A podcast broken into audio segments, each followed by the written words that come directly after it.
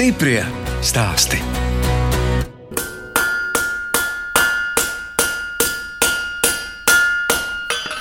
Ko jūs tikko uztaisījāt? Rīgā tiek atjaunots baroka laika koka restaurēta ēka Dāngāmalā. Tur ir pieci logi ar slēdiem. Un šie būs pamatnīcas, kur fiksējās āķīši, lai to slēdzi vējā neraustītu, lai viņš fiksētos gan aizvērtā, gan atvērtā veidā. Bet es skatījos, cik zibenīgi jūs tādā tempā to Nē, nu viss ir tempā. Nevēl te teiciens, dzelzs jākaļ, kamēr karsts. Tā pirms četriem gadiem stāstīja kalējmeistars Kaspars Sauza no Limbažu novada Vidrižu pagasta kalna kalējiem. Es, žurnāliste Dāna Zalamane, tāpat kā Covid pirmajā vilnī pavasarī, ar jauniem raidījumu varoņiem tikšos tikai pēc ārkārtas situācijas beigām. Tāpēc tagad ir laiks piezvanīt bijušajiem raidījuma dalībniekiem, lai pavaicātu, kā viņiem veicas dzīvē un biznesā, un kādas ir viņu spēka un veselības receptes. Kalējs Kaspars Sauza pirms četriem gadiem man rādīja skices vēja rādītājam. Kaimiņos ir Jānis uzņēmīgs vīrs. Viņam ir arī viens vērādītājs, šī tāds Minhausens. Bet šis arī ir kā Minhausens. Domāts, ka viņu kā metāla skulptūru uzliek uz liela akmeņa kaudzes, un rokās viņš tur karogu. Arī tāds interesants darbs. Gan drīz cilvēka augumā tāds - Jā, viņš ir cilvēks. Nu, manā augumā, kur uz 1,90 m viņš arī ir. Rekur mēs jau redzam, ka darbnīcā liela, robusta lāde nu jau var teikt, kādas trīs gadus aizraušanās vēl vien ir atjaunoju vecās lādes. Tātad viņas ir īpašas ar to, ka vecām lādēm tas salaidums bezdalīgs. Astes salaidums stūros, bez nevienas naglas. Tātad viņš ir restaurēts, notīrīts un ar linēļu pašreiz iestrādāts. Jebkura lieta, ko darīt, vai tas ir maiznieks, keramiķis, kalējs, bez kļūdām nav izaugsme. Mēs nevaram piedzimt ar zināšanām, un mums skola nevar iedot praksi. Un tāpēc ļoti daudz lietas, ko arī Kalējs dara, viņš var izzināt procesu un iegūt zināšanas un, un virzīties tālāk. Un tāpēc arī Kalēja ļoti dažādi. Ir kalēji, kas strādā, jūs redzējāt, darbnīcā ir uh, zirga pakavi. Tie kalēji apkaļ tikai zirgus. Viņiem jāzina zirga pēdas anatomija. Viņi nedrīkst kļūdīties. Ja viņi kļūdīsies, nepareizi iedzinot naglu, zirgs būs klips. Ir kalēji, kas kaļ tikai cīrjus, tikai ieročus, zobenus vai filējumos nažus. Katram ir savs ceļš un savā niša, kurā viņi strādā.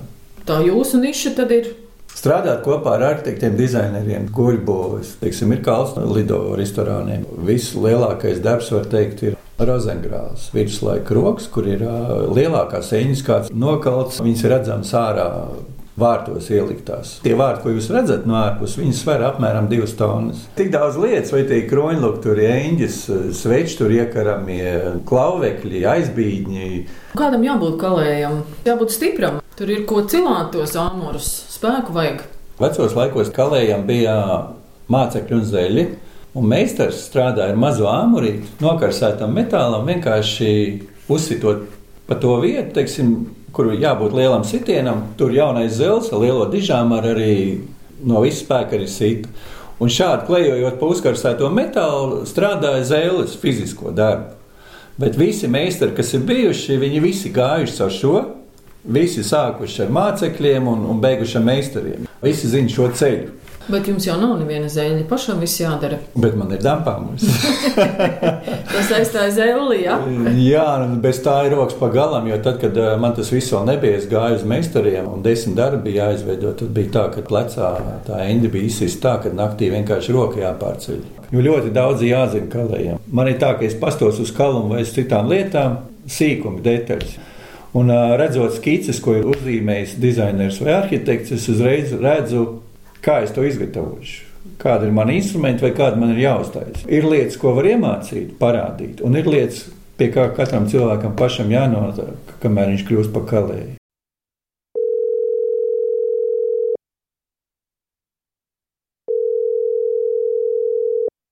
Kad šonadēļ zvanīju kalējam Kasparam Mauzam, vaicāju, vai arī viņu kā amatnieku ietekmējusi Covid pandēmija. Ja līdz tam vienkārši cilvēki pasaulē dzīvoja to, ka viņiem plāni bija, ko viņi būvēs vai kur viņi grib aizceļot, viņi bija tāda, nu, bez robežām.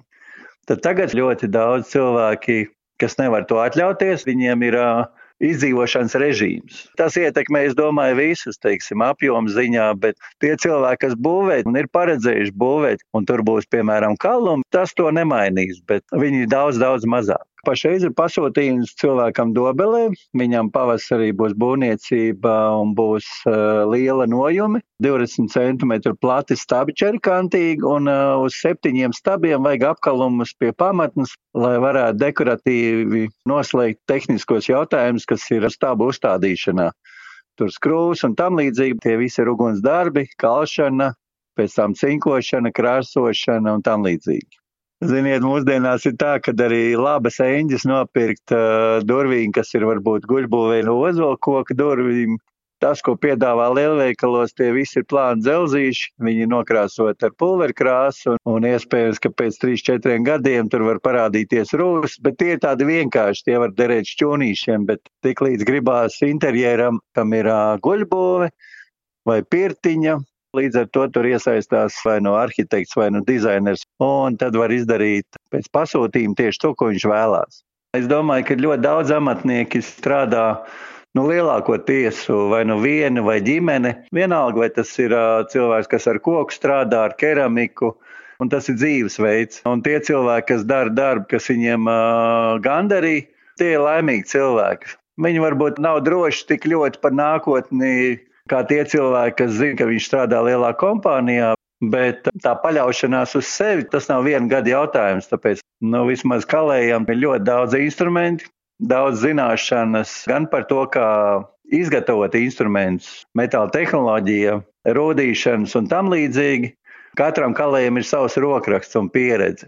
Nebūs divi vienādi kalēji, kas vienādi nokaļ un risinājums būs dažāds tīri vizuāli.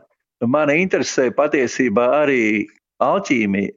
Ja paskatās, piemēram, cik grezni ir cēsu baznīca, eņģes un klauvekļi un viss, kādā līmenī strādāja tā laika kalēji, kas bija droši vien arī cumftējs un, un iespējams, ka tie bija vācu kalēji tais laikos, bet man ir interesi par to, kā apsudrabot kalumu, apzeltīt, bet tur ir ķīmiski zināšanas jāzina, tur ir ar dzīvesudrabu un tam līdzīgi. Ļoti daudz zināšanas ir vajadzīgas. No grāmatām to nevar īsti iemācīties.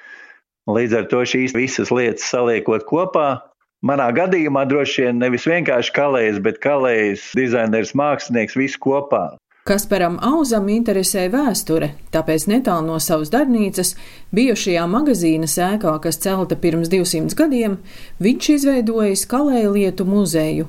To apmeklēju pirms četriem gadiem. Nolikta vai magazīna, kā vecos laikos sauca, vidzemē un kurzemē viņas tiek būvētas Pētera pirmā laikā 60 cm biezi akmens mūri, lai saglabātu vienotu temperatūru un kalpoja graudu un dažādu lietu glabāšanai. Viņi ir uzcelti pareizā vietā. Šeit nav neviena ādere. Iedomājieties, 200 gadus stāv šī akmens ēka.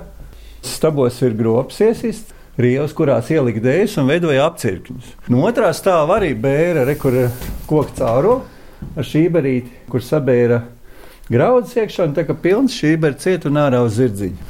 Nu, tagad te ir kalēlietu muzejs. Reku mums ir liela plēša, ko darbināja zeļi vai mācekļi un tādā veidā pūta gaisa ēzē. Šeit ir redzams arī dažādas vecās atslēgas piekaramās zirga pinekļiem, lielu ratu saķēdēšanai, rekur, kas nebija domāta durvīs līdz, bet viņai ir speciāli kalta apakšīņa, ko noliek zemē. Tāpēc viņa ir milzīga. Visvecākā lāde, piemēram, šī viņai uz vāka, re, ir iesaistīta ar metāla ornamentu, 1815. gads. Tātad šogad viņai jau ir 200 divi gadi. Tā ir Latvijā gatavota? Nē, Vācijas un Hollandas pierobeža. Ozolko tā ir kunga lāde, pa privātiem līdzekļiem iegādāta. Ieraugot šādas lietas, ir skaidrs, ka viņas pēc kāda laika vairs nebūs.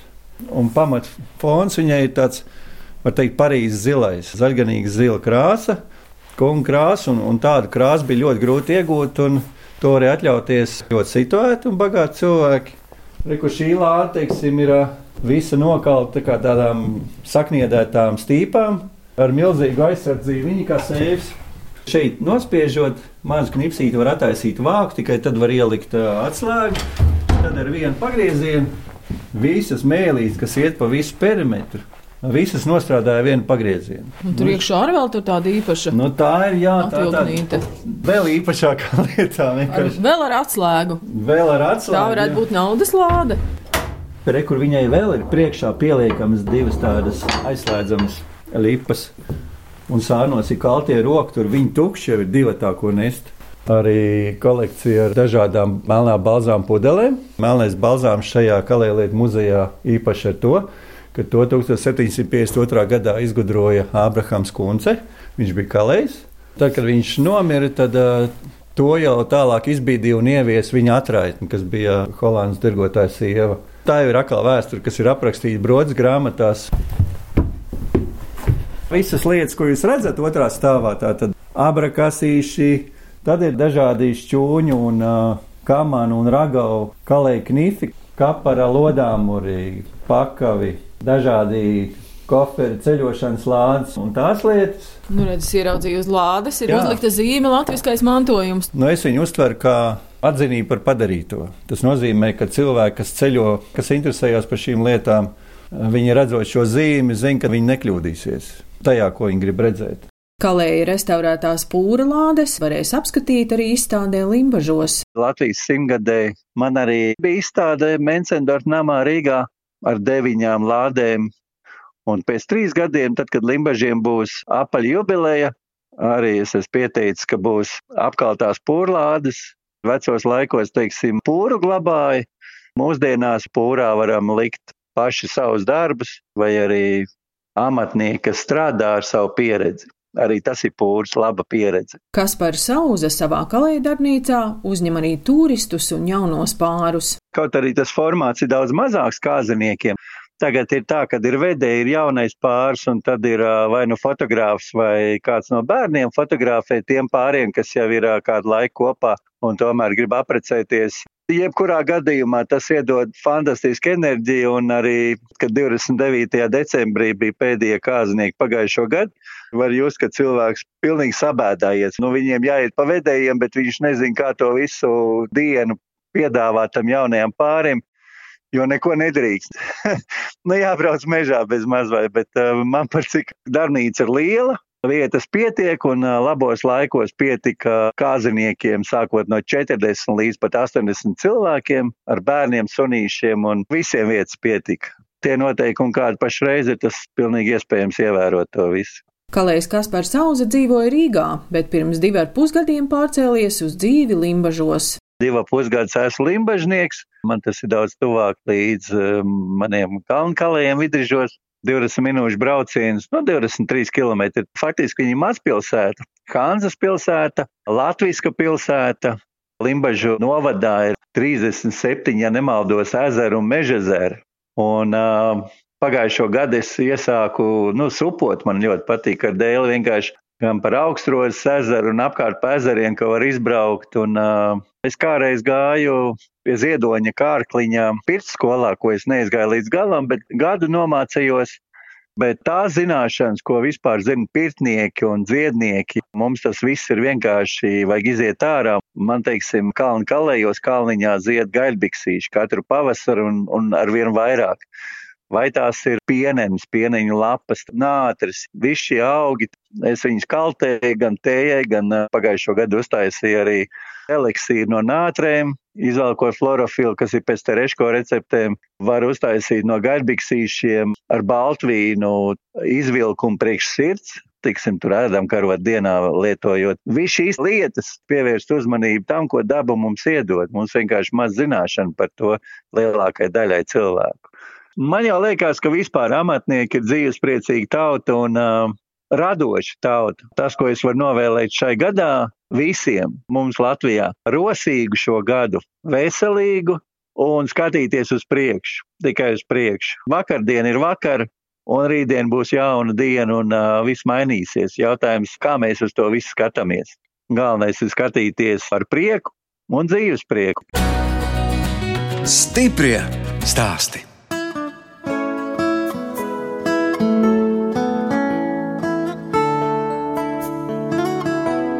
Jūs klausāties raidījuma stipri stāstī, bet tagad dosimies uz Bausku pie Andras Katkevičas un Līgas Elmanes, kas izveidojušas kosmētikas uzņēmumu Gusto. Es pie viņām ciemojos pirms sešiem gadiem, kad abas diplomētas psiholoģijas algotu darbu savienoja ar darbu ģimenes uzņēmumā. Ražotne tolaik līdzinājās nelielai virtuvē ar leduskapi un plīti. Ideja tirgot pašražotu kosmētiku radās Andrai, kura ādas kopšanā izmantoja dabiskas lietas, mālu, kā arī dārzā izaugušos gurķus un ņāņogas.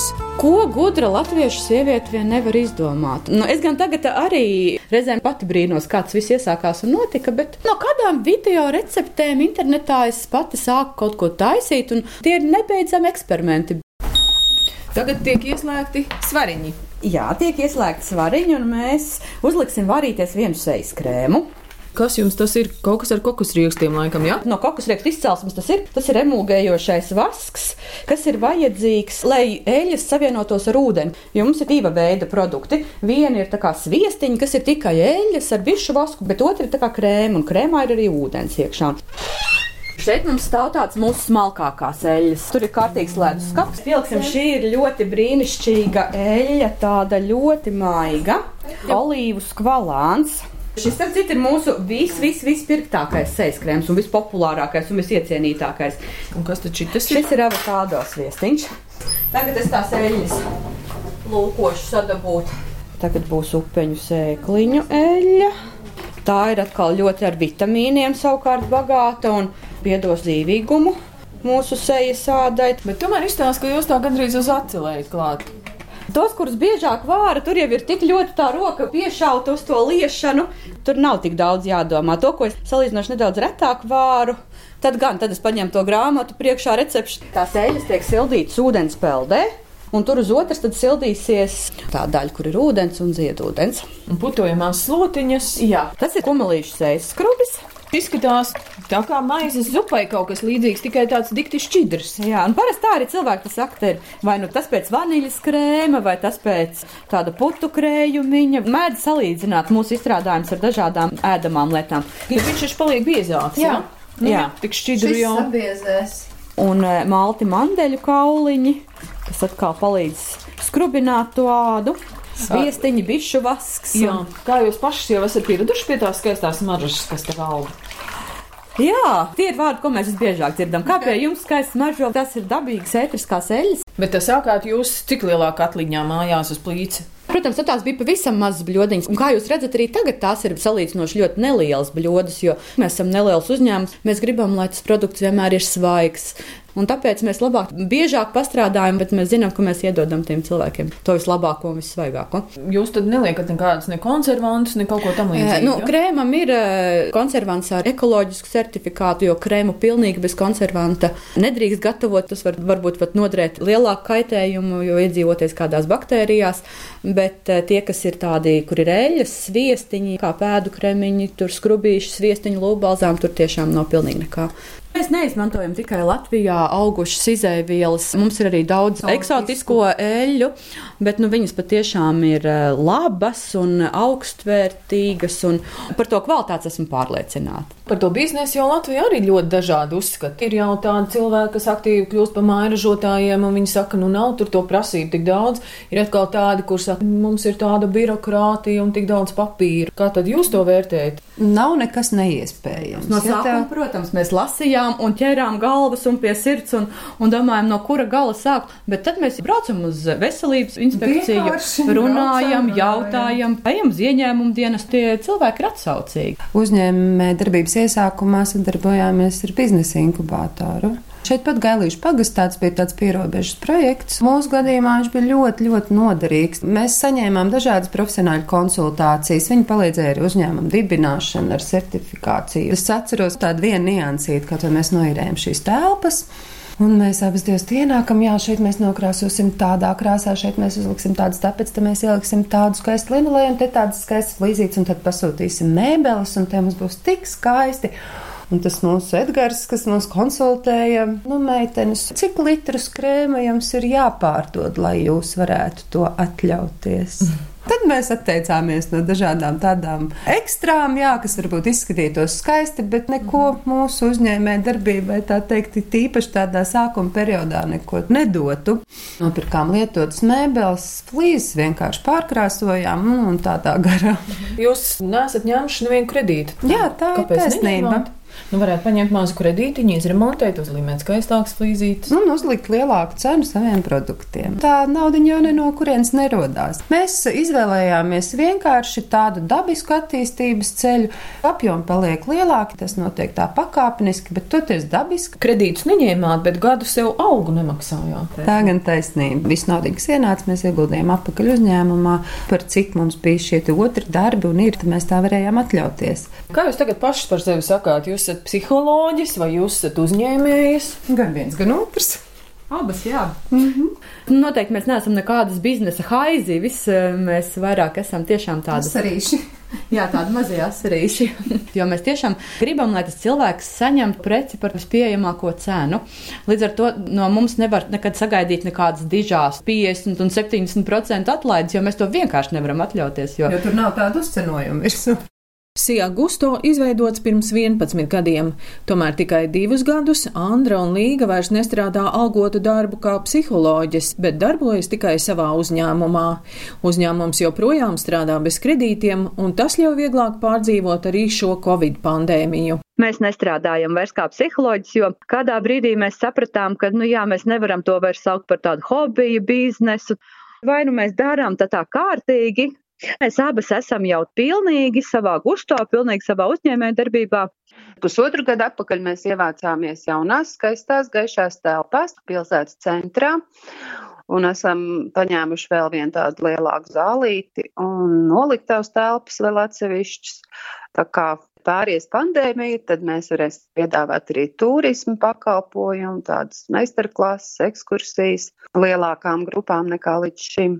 Tad mums droši vien būs laiks arī pieņemt mūsu uzticamu draudzeni darbā, lai mēs varam padalīties. Visu nevarēs gan pie bļodām izstāvēt, gan ar turistiem runāties, gan tirgoties. Droši vien, ka viens cilvēks nāks mums klāt, gan jau mēs pavisam tiksim galā. Andra Katkeviča joprojām ir galvenā jaunu produktu radītāja. Viens iznāciens bija liepziedu rokrēmam un visai mūsu liepziedu līnijai. Viņa nākšana pasaulē labi sakrit ar to gadu, kad bija dziesmu svētki. Tad visi tie brīnišķīgie, pozitīvie cilvēki bija sabraukuši Rīgā uz dziesmu svētkiem, un tad viņi sapirkās mūsu liepziedro krēmu. Un tad viņi aizbrauc tie produkti pa visu Latviju, un, un tas mums nes uh, tādu uzrāvienu, tādu vilni. Šī liepziedra līnija ļoti labi aizgāja. Un tagad šajos Ziemassvētkos mēs radījām tādu mazo dāmu komplektiņu, kur skaisti kastītē ir maza zemeņēļiņa ar, um, ar roku krēmiņu un lūpāzāmiņu un viss jauks mažo pēc zemenēm un ir skaists uzlīmītas. Un tad mēs jutām, jā, ka mazās meitenes ir sajūsmā par šo mūsu jauno produktu un tas paver atkal kādu citu auditoriju, līdz kurai aiziet mūsu produkti. Bet tagad mums atkal ir tāds bišķīt laiciņš, ka mēs atkal varam padomāt, ar ko mēs šogad nāksim. Par vīriešiem padomāsim. Nedaudz uzlabosim sejas krēmu, un pēc skūšanās tāds losjoniņš ir jauns, un, un varbūt kāds īpašs arī roku krēms kas būtu vīriešu rokām piemērotāks. Kaut ko jau mēs visu laiku domājam. Mums neiet tik raiti, protams, kā lielajās rūpnīcās tie produkti nav tik daudz jauni, bet top, jā. Turpina Līga Elmane. Es atnāku uz darbu. Pirmais, ko es izdaru, noformēju visus pasūtījumus, kas ir pēcpusdienu pa nakti ienākuši, salieku paciņas, nododu kurjeram ap pusdienlaiku, un pēc tam pārējā dienas daļā es atkal fasēju, loku kastītes, līmēju etiķetes, gatavo produktiņu līdz plauktam dabūnu. Es ar savām idejām piedalos, bet tā, lai to recepti izstrādātu vai tur sarēķinātu proporcijas izēvielām, nu nē, to es uzticu Andrai, viņai tomēr ir liela pieredze un zināšanas, bet kaut kāda jauna produkta idejas nāk arī no manis tur, teiksim, meļa matiem vai matu saknēm, vai kaut kāds krēms problemātiskai sejas ādai ziemas mēnešos, sausiem vaigiem. Un, jā, viss notiek tādā procesā, Tik cik nopelnam, ieguldam attīstībā, un varbūt mēs attīstamies lēnāk nekā tad, ja mēs ņemtu kaut kādus kredītus. Es atceros, ka kaut kur lasīju, ka krīzes laikā lūpkrās pārdodot visvairāk. Varbūt tas ir kaut kā saistīts.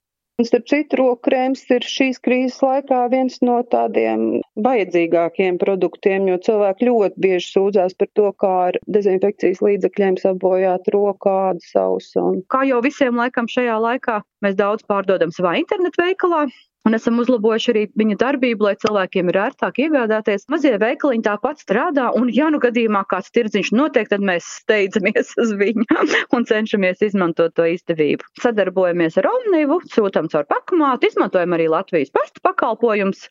Decembrī mēs ļoti daudz paciņas nosūtījām. Es domāju, ka tādu īpašu kritumu mēs neizjutām, jo mēs tiešām arī novērtējam to, ka bija cilvēkiem arī šī tendence, kad viņi gribēja būt patriotiski un izvēlēties tādas Latvijā ražotas dāvanas un atbalstīt eh, vietējos uzņēmējus, un mēs to jutām.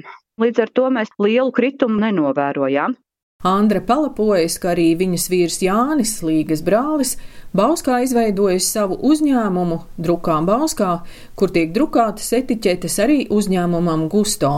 Līgai un Andrai vēl vaicāju, kādas nodarbes šai laikā viņām ļauj saglabāt mūžu garu. Andra noteikti labprāt pastāstīs par saviem pārgājieniem, par ziemas peldēm. Man savukārt vaļasprieks ir radīšana. Džemperi, zeķis man ļoti patīk adīt. Tas, man liekas, arī ir mājasēdē. Ļoti daudzām sievietēm šis hobijs ir vai nu atjaunojies, vai radies. Tā ir tāda ļoti patīkama laika pavadīšana, kad tu gan atpūties, gan kaut ko lietderīgu dari. Nu, es esmu ļoti iemīļojusi šīs ārā aktivitātes, un peldēšana ziemā ir palīdzējis man arī mīlēt pilnīgi tiešām jebkurus laika apstākļus, jo vienalga, cik ir augsts, vai ir vējains, vai lietains, peldēt tas vienmēr ir ideāls laiks, un augsti man vairs īpaši nav. Es domāju, tā nav tikai tāda modes lieta, jo tie, kas to iesāk darīt, tie arī saprot, cik pozitīvas emocijas tas sniedz un kādas ir tās sajūtas, un nu, tas ir tiešām brīnišķīgi. Bauska ir pilsēta starp trīs upēm, un mana mīļā upe ir Mēmele. Mums ir sava dombiedru grupa. Viena ir mana māsa, un tad mums ir svētdienās tādas jaukas kopeldes, kurās eh, mums piesakās ar vienu jaunas meitenes, un vienu dienu mēs kādas deviņas bijām. Tad gan tiešām viens vīrietis arī izlec garām braucot no mašīnas, un bija ļoti pārsteigts, tik daudz jaunas meitenes redzēt upē kolka dubulti. Māja beigās organizācijas Baltais kalns rīkots pasākums, kur ļoti daudz cilvēku pēdējos gadus ap tūkstoti, visi kopā no piekdienas līdz svētdienai, nu ne gluži visi kopā, katrs savā tempā, iet no kolkas līdz dubultiem. Tad mēs sākotnēji vairāk kā trenējamies šim pārgājienam un vairāk staigājām pavasarī, bet nu jau mēs esam iemīļojuši šo nodarbu un staigājam visos gadu laikos. Šobrīd vairāk ir populāri, ka tiek izstrādāti dažādi pārgājienu maršruti. Šobrīd mēs esam uzsākusi tādu sēriju Latvijas izaicinājumi, kur tiek piedāvāts dažādi maršruti visdažādākajās Latvijas vietās. Esam sākuši staigāt tos, tikko pavadījām burvīgu piekdienu sniegotā Baltonas mežā, Tā kā kur iet, ir Latvija ir tiešām skaista. Dienā tāds komfortablais pārgājiens, tas ir tāds 30 līdz 40 km. Nu, 20 km tā ir tāda pastaiga, ko mēs gribētu novēlēt. Nekad eh, nepazaudēt to prieku un mīlestību pret to, ko tu radi. Ja vienas durvis aizverās, tad vajag paskatīties, vai blakus nav kādas citas un meklēt kādu citu ceļu, par to prieku darīt to savu darbu, tas man liekas, mums pašām šeit ir pats galvenais. Reizēm cilvēki saka, kāpēc jūs nepieņemiet vēl kādu darbinieku, jums nebūtu tik daudz jāstrādā. Bet uh, mēs tik ļoti mīlam to, ko mēs darām, un arī gribam to darīt. Man liekas, tā tā atslēga mīlestība pret to savu darbu. Šajos laikos ir tā, nu, diezgan grūti pateikt tādus uzmundrinājumu vārdus, kas derēs ikvienam, paliekam pie tās mīlestības.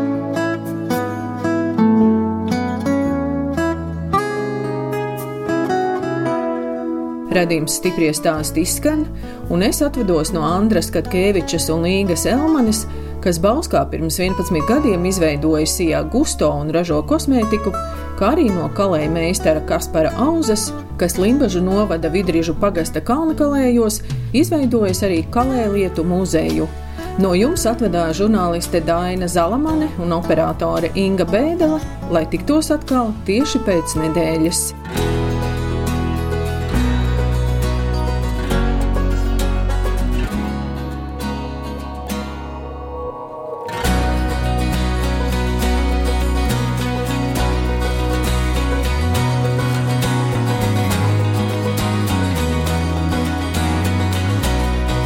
Stiprie stāsti.